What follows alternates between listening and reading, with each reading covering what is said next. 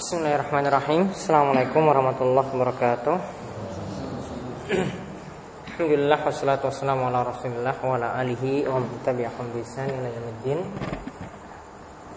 Alhamdulillah pada kesempatan kali ini kita dimudahkan oleh Allah Subhanahu wa taala sehingga kita bisa melanjutkan kembali kajian kita dari kitab Bulughul Maram karya Ibnu Hajar Al-Asqalani. Pada malam hari ini kita akan melanjutkan masih dalam pembahasan jual beli yaitu tentang syarat syarat jual beli dan larangan-larangan dalamnya. Kali ini kita akan melihat salah satu jual beli yang terlarang yaitu jual beli yang objek barang yang dijual itu tidak jelas. Jual beli objek barang yang dijual itu tidak jelas. Contoh e, di sini dicontohkan nanti tentang jual beli tersebut yaitu hadisnya adalah dari Ibnu Umar radhiyallahu anhu. Bahwasanya Rasulullah sallallahu alaihi wasallam naha an bai'i habalil habalah. Nabi SAW itu melarang dari jual beli hewan yang bunting kemudian menunggu sampai dia punya anak lagi dan bunting lagi.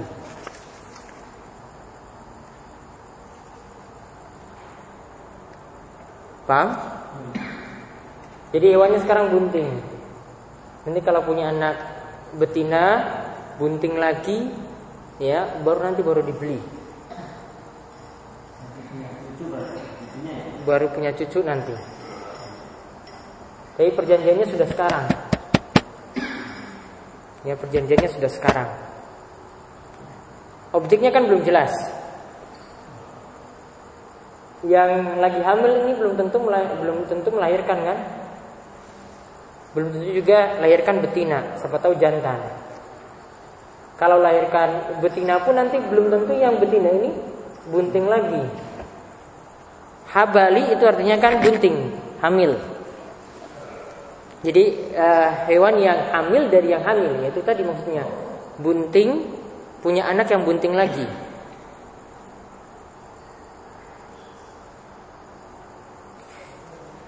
Nah, terus dikatakan wakana bai'an yatabaya'uhu ahlul jahiliyah. Jual beli ini dilakukan oleh orang-orang jahiliyah.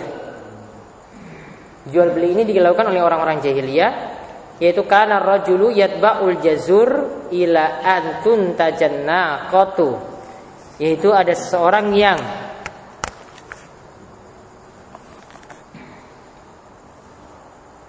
yang membeli hewan ternak ya. Dia membeli hewan ternak dan janjinya ya ila antun tajannaqatu. Ya dia beli hewan ternak maksudnya unta hingga menunggu sampai unta tersebut bunting summa tuntajul lati fi batniha. Kemudian ya nanti menghasilkan anak lagi hewan yang ada dalam perutnya ini jadi hewan yang sudah bunting punya anak lagi, bunting lagi, nah itu nanti baru diambil anak yang cucunya tadi itu baru diambil. Hadis ini mutafakun alai dan lafaznya itu lafaz Bukhari. Hadisnya diriwayatkan oleh Imam Bukhari dan Muslim. Jadi itu di antara tafsirannya seperti itu.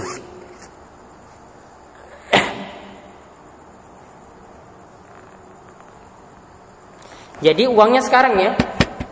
Uangnya sekarang.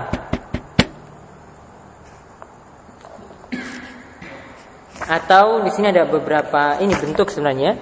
Ya, di antaranya itu ada yang uangnya itu nanti pokoknya nanti baru dibeli tapi sekarang perjanjiannya sekarang nanti mau dibayar kalau sudah punya cucu dulu. Jadi yang sekarang lagi bunting hamil melahirkan punya anak betina lagi, betina ini bunting lagi baru diambil hewan tersebut. Nah, ini kita dapat ambil pelajaran bahwasanya yang pertama dilarang jual beli hewan yang sedang bunting. Maksudnya membeli yang ada dalam perutnya. Kalau hewannya utuh nggak masalah. Tapi kalau perjanjiannya saya membeli bayi yang dalam hewan yang sedang bunting tersebut. Itu nggak boleh. Karena yang sedang bunting tadi kan yang di dalam perut itu boleh jadi nanti ketika lahir itu hidup, boleh jadi itu mati, nggak jelas. Kemudian pelajaran yang penting yang lainnya terlarang jual beli dari objek atau barang yang belum jelas hasilnya. Ya, barang yang belum jelas hasilnya. Contohnya kemarin saya sudah singgung tentang jual beli e, pemancingan. Kemarin bagaimana pemancingan yang bermasalah bagaimana? Masih ingat? Pemancingan yang bermasalah bagaimana? Memancing satu jam dihargai 50 ribu misalnya. Apa yang masalah di situ? Yang satu jam bisa jadi dapat satu karung. Satu jam bisa jadi tidak dapat apa-apa. Ya kan? Satu jam bisa jadi cuma dapat satu ekor. Gak jelas. Yang didapati itu gak jelas. Maka gak boleh. Maka solusinya bagaimana biar boleh tadi pemancingan? Hitung per kilo. Ya. Jadi dia hitung per kilo, nanti dapat ikannya tadi dikiloin. Ya. Dapat eh, satu kilo dihitung ya selawe lah 25 ya nanti 2 kilo ya sekat 50 dan seterusnya hitungnya per kilo nggak masalah karena kalau dihitungnya per kilo berarti kan yang sudah ada baru dikiloin. Berarti sudah jelas.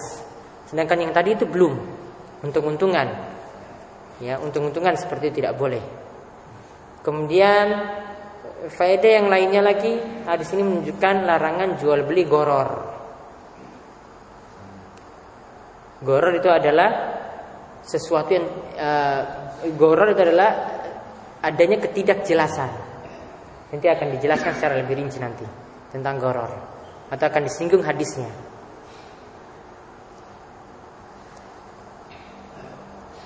Jual beli misalnya itu ada kesepakatan harga tapi uangnya belum ada. Mm. Lalu barang itu dijual lagi mm. atau dimaklarkan. Mm. Dengan kelebihan itu dia dapat uang, dapat hasil. Itu gimana itu? Untuk bayar yang pertama. Ya, jadi dia pertama beli Misalnya punya barang di harga berapa Kalau cocok harganya nanti ya dikasih maunya Tapi kalau ada bagian dijualkan kepada orang lain Jadi per, jadi pertama coba langsung contoh itu gimana itu? Coba contohnya aja, contohnya aja langsung. Saya belum tergambarkan. Seperti sepeda motor. Okay. Kemarin ada itu. Itu ada orang menjual sepeda motor kemudian ada kawan datang itu sepedanya dihargai lima koma dua juta ya terus, terus ada yang maklari lima tujuh tapi eh, kelebihannya itu untuk yang oleh maklar maklar nggak masalah maklar ya memang seperti itu iya Asalkan yang tadi dia nggak beri batasan harga, ya. sing beli motor itu nggak beri batasan harga. Pokoknya kamu harus jual sekian. Dia bebas. Pokoknya kamu setoran ke saya 5,2. Iya. Mau jual terserah ya monggo. Iya. Ya pokoknya motor ini laku. Dia kan berarti bebas kan? Bebas. Nah, itu bebas berarti terserah dia nanti ambil untung. Yang kalau dia bilang yang punya motor dia bilang ini motor nggak boleh dijual lebih dari 6 juta ya tidak tidak boleh jual lebih dari 6 juta untukmu nanti untuk kamu komisi untuk kamu nanti saya yang tanggung pokoknya ini jangan dijual lebih dari 6 juta maka maklar nggak boleh jual lebih daripada itu ya untungnya kan sudah ditanggung kan sama yang punya motor kan nah nanti dia yang kasih komisinya pokoknya jangan jual lebih daripada itu nah kalau tidak diberi batasan seperti itu dia cuma bilang 5,2 pokoknya setor ke saya iya. berarti terserah dia Kan cuma bilang pokoknya setor ke saya gini kan. Berarti dia mau jual berapapun boleh. Hmm, gak masalah. Maklar seperti itu. Tapi itu halal Halal.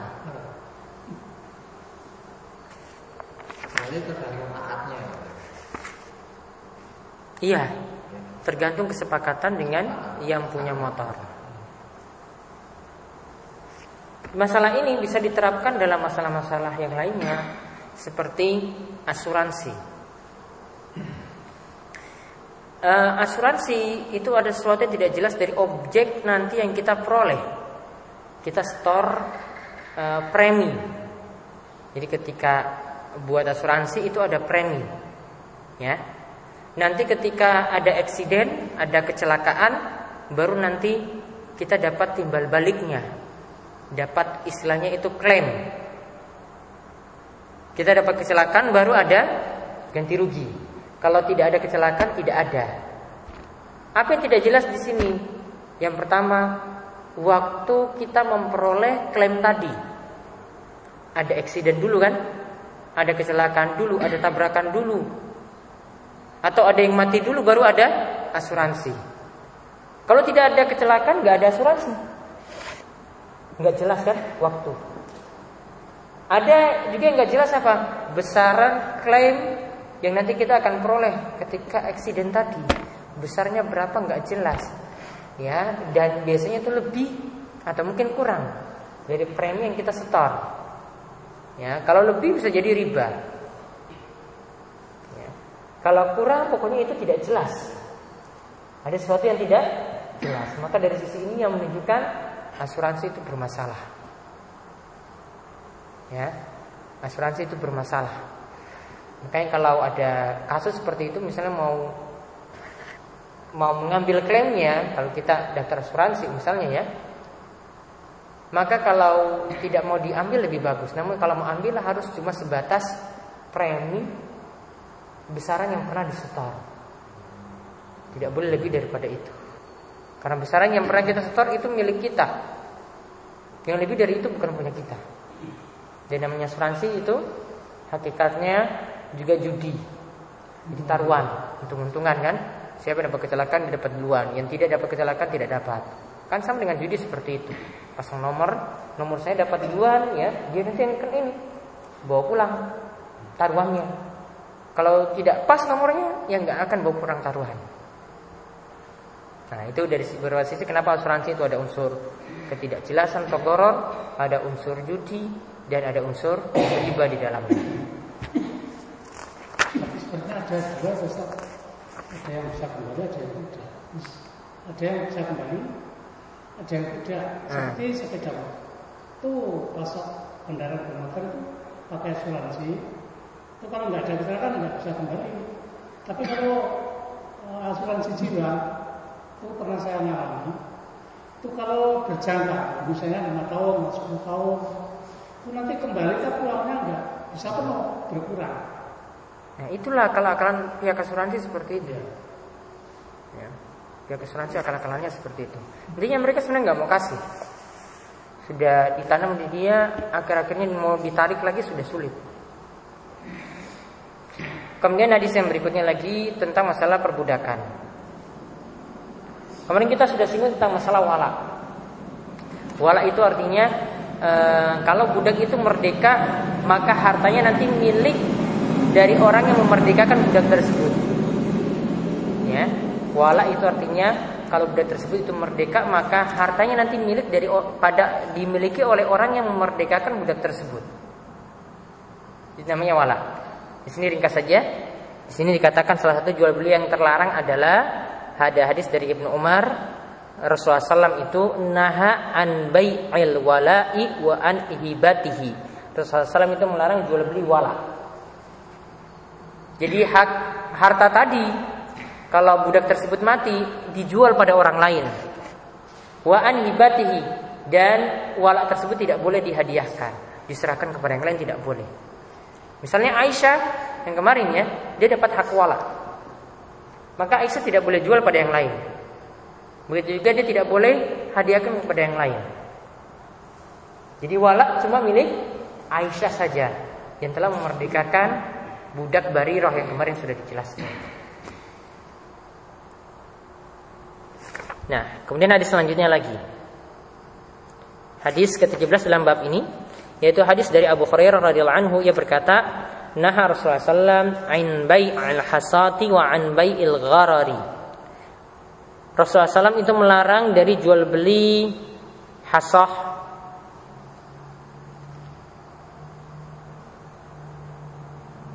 Hasah itu apa? Hmm? Apa hasah? Batu? Hmm? Kerikil, batu ya. Ya, wa'an dan dilarang terlarang dari jual Rasulullah SAW itu melarang dari jual beli gharar. Jual beli yang ada unsur ketidakjelasan. Berarti ada dua bentuk di sini yang dilarang. Yang pertama jual beli hasah.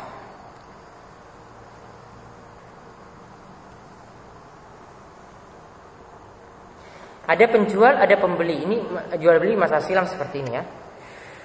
Jadi dia katakan bahwasanya penjual katakan pada pembeli, ini hasil lemparan ini. Pokoknya ini yang kamu beli nanti. Harganya satu juta.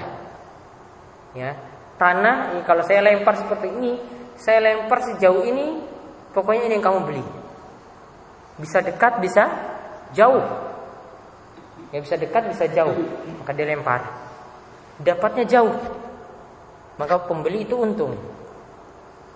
Kalau dia ya karena ada tiupan angin misalnya, ya akhirnya itu ditiup dekat. Ya pokoknya harus beli seperti itu. Ya ini namanya jual beli hasah dengan kerikil. Ini maksudnya bukan jual beli kerikil bukan. Ya, jual beli dengan lemparan kerikil seberapa jauhnya itulah yang dibeli. Apa masalahnya di sini? Kenapa yang masalah? Tidak jelas barang yang dijual. Lemparannya dekat, ya dapat segitu, satu juta. Jauh ya segitu juga, untung-untungan.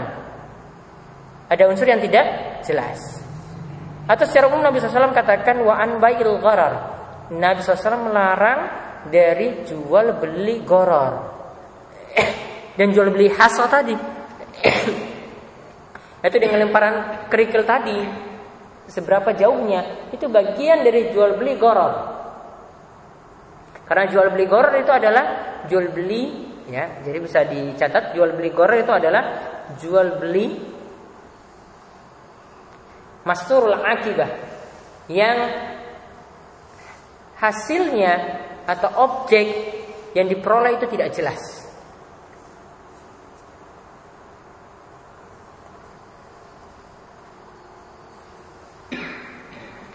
Jadi bisa jadi sifat barang yang dijual itu tidak jelas. Berapa banyaknya itu tidak jelas. Ya kualitasnya itu tidak jelas. Macam-macam.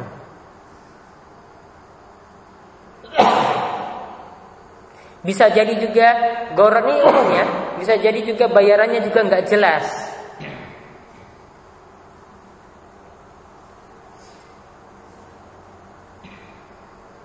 Kapan pelunasannya juga tidak jelas.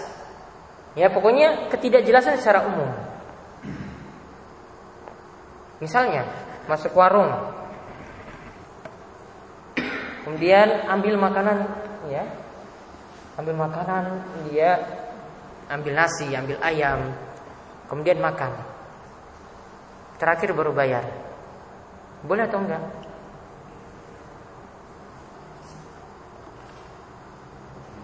Masuk di warung Padang, ambil nasi, ambil ayam. Sayur kan biasa nggak dihitung kan? Sambal nggak dihitung kan? Apa yang dihitung? Lauknya. Ada nggak jelas nggak di situ? Hah? Ada nggak jelas? bayar terakhir. Belum tahu harganya. Belum tahu. Sudah uruf kan ayamnya sekian kalau Padang. Masalah nggak seperti itu? Tidak ada masalah ya. Tidak ada masalah. Bayar terakhir kan baru ketika itu ada titik jelasannya. Kalau yang di sini dikatakan akhirnya itu tidak jelas. Kalau ini kan akhirnya kan jelas. Ambil pertama memang nggak jelas ini harganya berapa. Ini kan sudah tahu kalau ayamnya ini maklum lah harganya di sini ya sekitar itu pokoknya ayam sepuluh ribu sudah wajar itu jelas kecuali yang beli itu nggak jujur ya pembeli itu nggak jujur. Dia kasih ya ambil ayam dulu, numpuk nasi, go ya, terus taruh tempe di atas. Terus bilang Pak tadi tempe yang saya ambil. Di atasnya itu tempe, terus ayamnya itu di bawah. Nah ini sudah nggak jujur. Itu yang masalah di situ. Namun kalau terakhirnya itu eh, jelas, ya yang diambil pembeli itu berapa, penjual kasih tahu harganya itu sekian, setuju saling ridho, ya sudah. Berarti jual belinya sah. Seperti tidak ada masalah. Yang dimaksudkan tadi goro itu gimana? Masturul akibah. Objek yang dijual itu nggak jelas. Ya, tadi di pemancingan misalnya. Tadi yang modern itu asuransi misalnya. Ya, goro bentuknya seperti itu. Atau ini lagi yang sesuatu yang nggak jelas misalnya. E, barangnya diberi ketika masuk ke toko tersebut ini serba 5000 serba 5000 Yang jadi masalah itu ketika barang yang ada satu dan yang lainnya itu perbedaan harganya itu mencolok. Sebenarnya di pasaran yang ini 20 ribu, yang ini ada yang 2 ribu, ada yang 10 ribu, ya tapi dia pukul rata semuanya, 5 ribu semuanya. Itu masalah. Karena harga barangnya itu nggak jelas sebenarnya, tapi dipukul rata. Tapi kalau barang satu dengan barang yang lainnya itu dekat saja harganya. Ada yang satu lima ribu, yang satu lima ribu dua ratus, satu lima ribu lima ratus. Penjual nganggap sudah semua rata aja lah lima ribu. Harganya nggak terlalu mencolok, nggak ada masalah. Tapi kalau terlalu mencolok, ya satu dua puluh, satu dua ribu ada. Ya pokoknya belanja di sini lima ribu semuanya. Nah ini tidak dibolehkan. Karena apa? Masalah harganya itu tidak jelas. Tidak adil intinya. Tidak adil. Masa yang murah kok bisa jadi 5000? Ya. Masa yang sebenarnya 500 kok bisa jadi 5000? Karena dia pukul rata semuanya. Nah, itu tidak boleh. Nah, intinya goror seperti itu. Artinya goror itu ada dalam berbagai macam. Bisa jadi barang yang dijual itu nggak jelas sifatnya. Kemudian barang yang dijual tidak jelas harganya. Jumlahnya juga tidak jelas pembayaran yang tidak jelas dari berbagai macam sisi tidak jelas. Hadis berikutnya lagi. Hadis dari Abu Hurairah radhiyallahu anhu tentang larangan jual beli makanan sebelum dimiliki sempurna. Kita lihat hadisnya langsung dari Abu Hurairah radhiyallahu anhu bahwasanya Rasulullah SAW itu bersabda, "Man ishtara ta'aman, barang siapa yang membeli makanan, fala yabi'hu, maka jangan dia jual lagi hatta yakta lahu sampai dia menakarnya." Barang siapa yang membeli makanan, jangan dia jual lagi sampai dia menakarnya.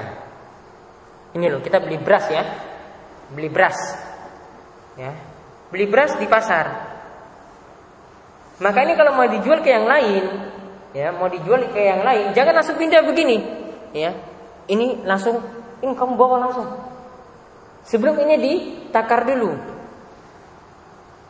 Ya sebelum ini ditakar dulu. Ditimbang dulu. Pas satu kilo. Baru dia jual. Mau jual harga lebih nggak apa-apa ya beli dari pasar misalnya 8.000 dia jual kepada konsumen lagi ya 9.000 tidak ada masalah. Asalkan apa? Sudah ada kobet dimiliki secara sempurna. Buktinya di sini apa? Dengan ditimbang dulu. Ditimbang dulu di sini ada manfaatnya.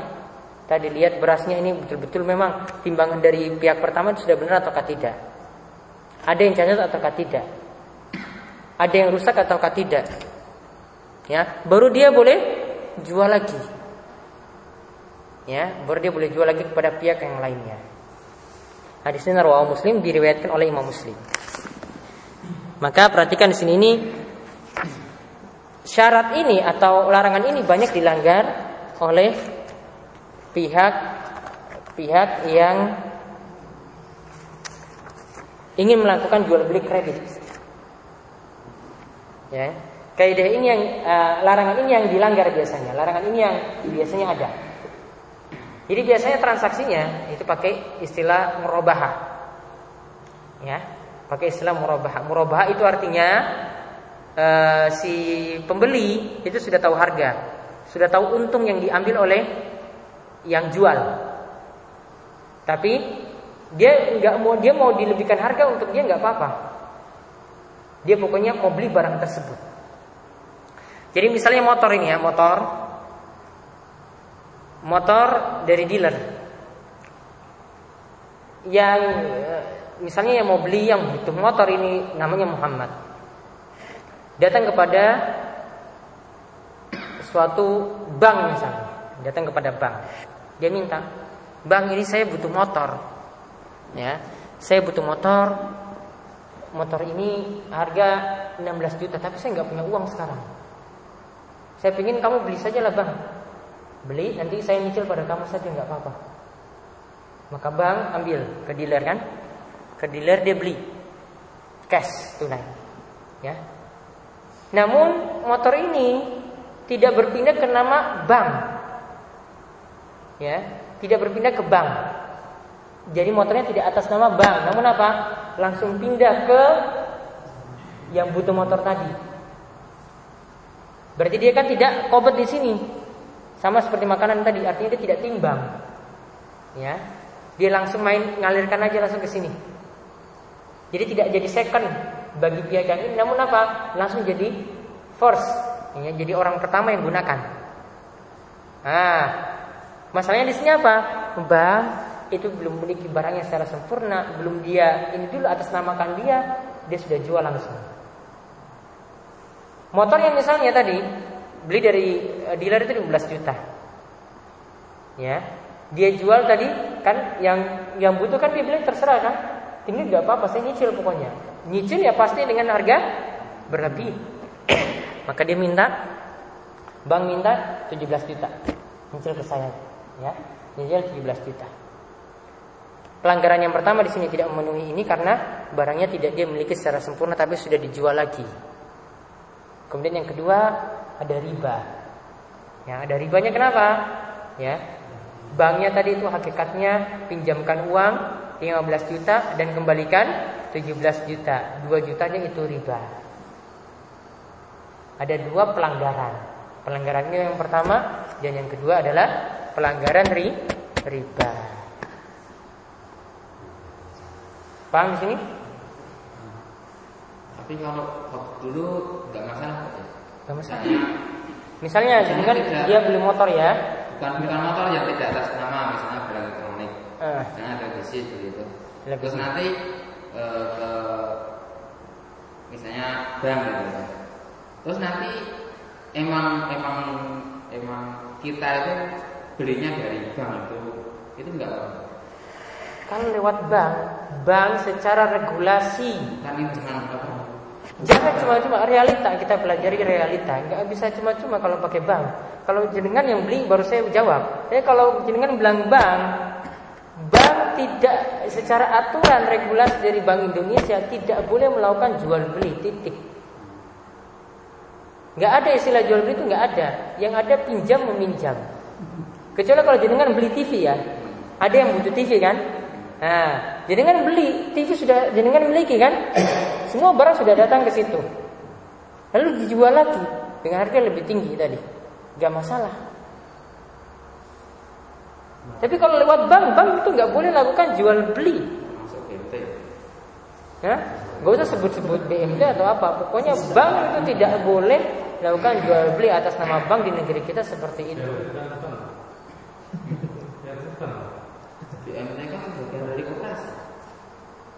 Ya kan pakai bank juga kan depannya. Iya, pokoknya namanya bank tidak boleh melakukan jual beli, itu regulasi aturan. Nah, gampangannya tadi kalau jenengan yang beli tadi orang ngadu ke dengan kan punya uang lebih kan, dia butuh TV. Terus saya bar sama ini aja. Jenengan berapa maunya? Ya, pokoknya beli saya TV. Saya nyicil nggak apa-apa ya? Iya nggak apa-apa. Ya saya beli kasih ke dia nggak masalah. Ya, ada yang butuh barang, butuh barang, kita punya modal ya kan? Dan punya modal dia butuh HP pokoknya untuk toko dia. Punya modal gitu. Beli HP semua kita beli terus jual di, dia lagi dengan harga tinggi. Nyicil nggak apa-apa. Dia tahu kita ambil keuntungan sekian. Kita sudah memiliki HP tadi, dia kalau ngadu juga HP-nya rusak ke kita juga, karena tahu kita yang memiliki barang tersebut. Enggak masalah. Enggak masalah. Boleh. Boleh. Asal tidak melalui bank. Misalnya personal. Personal aman. Kalau lewat bank masalah. Regulasi tidak izinkan melakukan jual beli.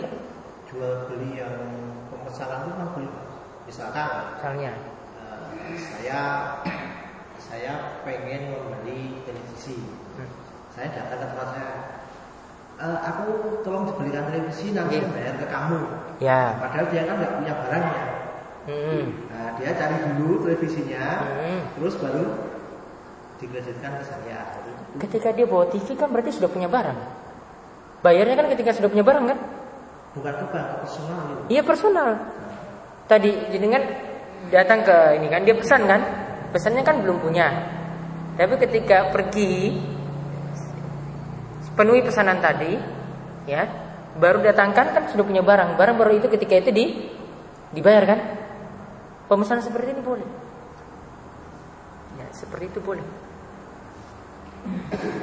Nanti terserah mau uang di muka dulu, itu namanya jual beli salam, barang belakangan.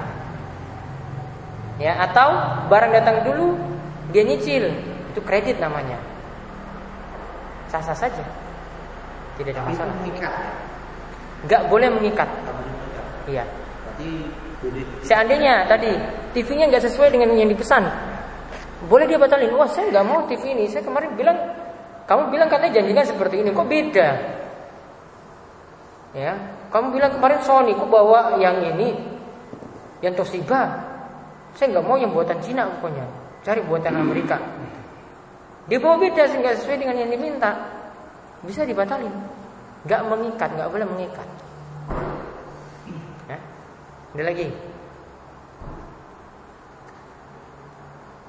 Hmm. itu tadi seperti permasalahan cuma kelar itu sesampai orang ketiga itu gimana ya Ustaz? Nah, orang yang disuruh dari itu bilang ini ada yang jual motor, ada yang cari enggak. Nah, Adi bilang lagi sama temannya lagi. Terus bilang ke, Nah. ke orang lain, wajah ini saya datang ternyata dapat untung 500 dari apa itu harga si punya motor kecelakaan menjamnya motor itu haram nggak yang 500 Ustaz? 52 jadi 57 kemarin Nanti yang untungnya tadi dibagi untuk dua orang tadi.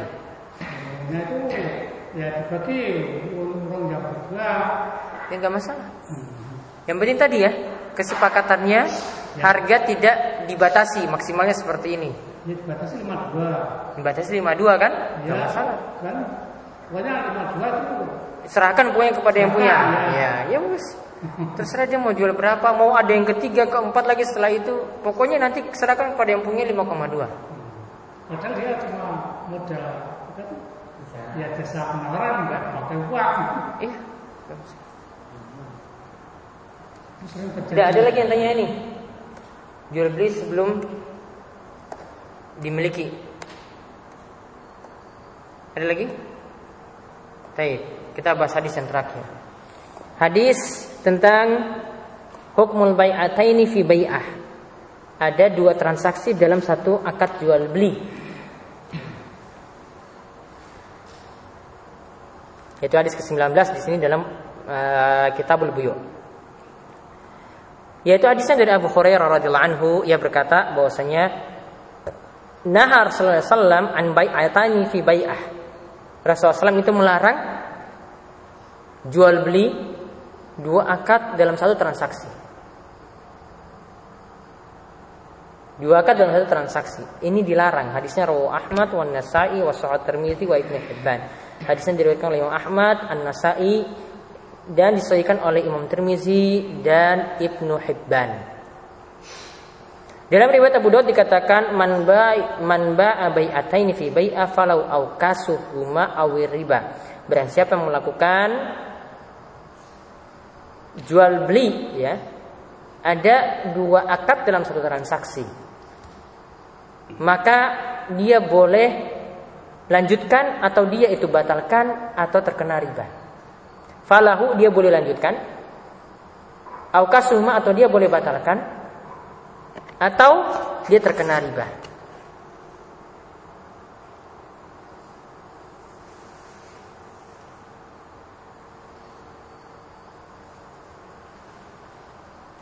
Nah, ini yang para ulama bahas di sini. Ada yang tafsirkan dua transaksi dalam satu akad ini maksudnya Ya, ini belum saya ini rojihkan, belum saya kuatkan pendapatnya ya. Ada yang katakan maksudnya adalah kalau kita beli tunai harga 15 juta. Kalau kredit 17 juta. Ada sebagian ulama yang tafsirkan seperti itu. Namun pendapat ini lemah. Karena ketika kita milih ya 15 juta dengan 17 juta tadi, ketika saya pilih saya milih kredit aja 17 juta itu tidak ada dua transaksi lagi. Jadinya satu. Ya kan? Jadinya satu karena dia beri pilihan. Saya pilih yang kredit. Ya berarti jadinya kredit. Gak ada lagi tunai kredit gak ada. Jadinya kredit. Nyicil berarti setelah itu kamu. Nyicil. Kecuali ya di sini yang tidak boleh dilakukan lagi nanti Nanti jadi nggak jelas ya. Katanya tadi sudah nyicil 17 juta. Ya. Terus dia ingin lunasi. Segera. Nyicil nyicil nyicil ini dua tahun gitu ya. Dua tahun lunasnya. Tapi lima bulan saja dia bisa lunasi 17 juta tadi. Saya mau bayar ini lunasi. Namun bo dikasih korting dong. Masa ini mau bayar cepet kok nggak dikasih potongan lagi? Ini nggak boleh. Kenapa? Dua transaksi. jadinya. Ya, dua transaksi lagi. Jadi nggak jelas. Rugi yang penjual itu rugi juga. Kalau mau lunasi ya tetap dengan biaya yang sama. 17 juta nanti totalnya. Gak boleh dia minta diskon nanti. Tolong tolong di diskonin. Diturunin dong. Potongin 500 nggak boleh. Jadi masalah. Awalnya kan sudah jelas. Dia bikin jadi nggak jelas lagi karena dia minta diskon di tengah-tengah. Nah ada yang tafsirkan seperti itu. Namun yang lebih tepat dalam masalah ini jual beli dua transaksi dalam satu akad tadi yang terlarang itu yang dimaksud adalah jual beli inah Ya, jadi yang dilarang di sini adalah jual beli inah. Jual beli inah itu maksudnya apa? Jual beli inah itu maksudnya ada seseorang ya, dia menjual barang. Menjual barang kepada pihak B. Dijual sama Muhammad secara kredit, jual motor, ya. Ini motor saya jual sama kamu Lunasi nggak apa-apa lah dua tahun lagi sampai lunas ya, dua tahun. Kemudian satu pekan kemudian dia ambil motor itu lagi dia bilang sekarang saya mau beli motor tadi lagi. Tadi kalau kredit itu pokoknya jadi 10 juta ya. Ini sekarang saya mau ambil lagi motor tersebut, saya beli ya. Ini dua pihak ini ya, dua pihak ya. Saya beli dengan harga 8 juta. Saya kasih uangnya tunai sekarang. Tapi 10 juta tadi masih bayar dia kan? Masih bayar. Sini nggak boleh. Ini ada dua transaksi dalam satu akad. Dia jual kredit, dia beli lagi tunai. Kenapa tidak boleh? Ini trik riba. Karena hakikatnya dia suruh apa? Dia jual tadi ya 10 juta, artinya dia pinjamin uang. Ya, Suruh kembalikan 10 juta. Dia pinjamin 8 juta. Hakikatnya seperti itu, dia pinjamin 8 juta suruh kembali 10. Nyicil. Hakikatnya seperti itu. Motor tadi cuma akal-akalan saja. Motor ada atau tidak, pokoknya hakikatnya dia seperti. Dia pinjamin 8 juta suruh kembali 10 juta. Hakikatnya seperti itu. Ini trik riba. Ini disebut dengan jual beli inah. Ya, jual beli inilah yang dilarang di sini. Ini jual beli yang tadi Nabi SAW melarang dua transaksi dalam satu akad. Namun kalau yang terjadi misalnya ya, dia jualkan tadi secara kredit, bayarnya nanti ya dua tahun lagi nggak apa-apa. Terus motor ini tadi yang sudah dimiliki, dia jual lagi yang pihak yang ini Muhammad tadi jual lagi kepada pihak yang lain secara tunai, bukan kepada orang yang pertama tadi. Secara tunai dapat uang. Ya. Dapat uang, mungkin 8 juta dapat. Oh, dia pakai untuk lunas ini pelan-pelan. Gak ada masalah. Yang masalah kalau kembali ke pihak yang sama. Kalau kepada pihak lain itu namanya tawarruk. Jual beli tawarruk itu dibolehkan. Dan ini yang terjadi misalnya di toko-toko. Ya, kadang pasokan barang belum bayar tunai kan? masukin dulu, masukin dulu. Barang tersebut dijual ke konsumen tunai, dapat uang baru dia bayar tadi nyicil. Nah, itu tidak ada masalah, sama seperti itu. Itu namanya jual beli tawarruk dibolehkan. Kalau jual beli ini tadi diharamkan, itu trik riba dan juga dilarang berdasarkan hadis ini. Larangan jual beli dua transaksi dalam satu akad. Ada yang tanyakan? Ya. Saya pesan pesan lemari di tinggal kemarin ya. Okay. Misalkan harganya lima lima ratus ribu itu. Terus saya kasih DP, kasih DP dua ratus lima ribu. Apa ini termasuk ya? Buatan saja. Masalahnya kan saya saya pesan kasih DP terus dia juga punya hutang sama saya. Jadi punya hutang buat lemari tadi? Iya, maksudnya lemari kan belum ada. Hmm. Jadi saya yang itu nggak masuk, nggak masuk larangan ini. Larangan ini tadi yang lebih tepat tadi itu maksudnya jual beli ini. Bentuknya seperti tadi saja, tidak untuk yang lain. Nanti DP ada bahasanya sendiri nanti ada. DP itu boleh diambil apa enggak oleh si penjual kalau transaksinya itu batal itu nanti ada bahasanya. Kalau yang ini nanti beda waktu. Beda waktu. Penjualnya satu pihak yang pertama kan beda waktu sudah lunas?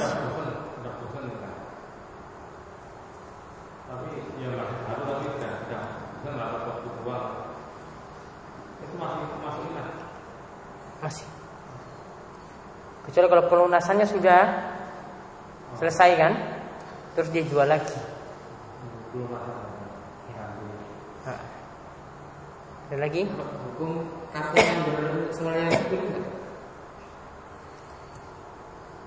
Diskon dapat diskon berarti. Cuma diskon kalau misalnya nanti hanya sebatas bayar dulu untuk mendaftar jadi member. Itu ada goror juga. Goror. Iya. Gak. Gorornya diskonannya itu boleh jadi lebih dari uang anggota uang pendaftaran yang kita store. Boleh jadi kurang. Kecuali kalau dia yakin itu dipas-pasin sama dengan yang kita setar. Gak ada masalah.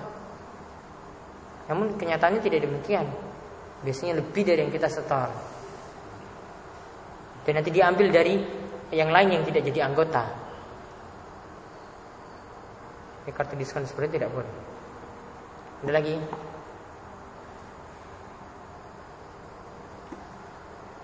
Ya, sampai ya. Ini demikian kita bahas mudah-mudahan bermanfaat. Insyaallah pada pertemuan berikutnya kita akan kembali lagi melanjutkan tentang kitabul ini. Ya, subhanakallahumma bihamdika asyhadu an la ilaha illa anta astaghfiruka wa atubu ilaik.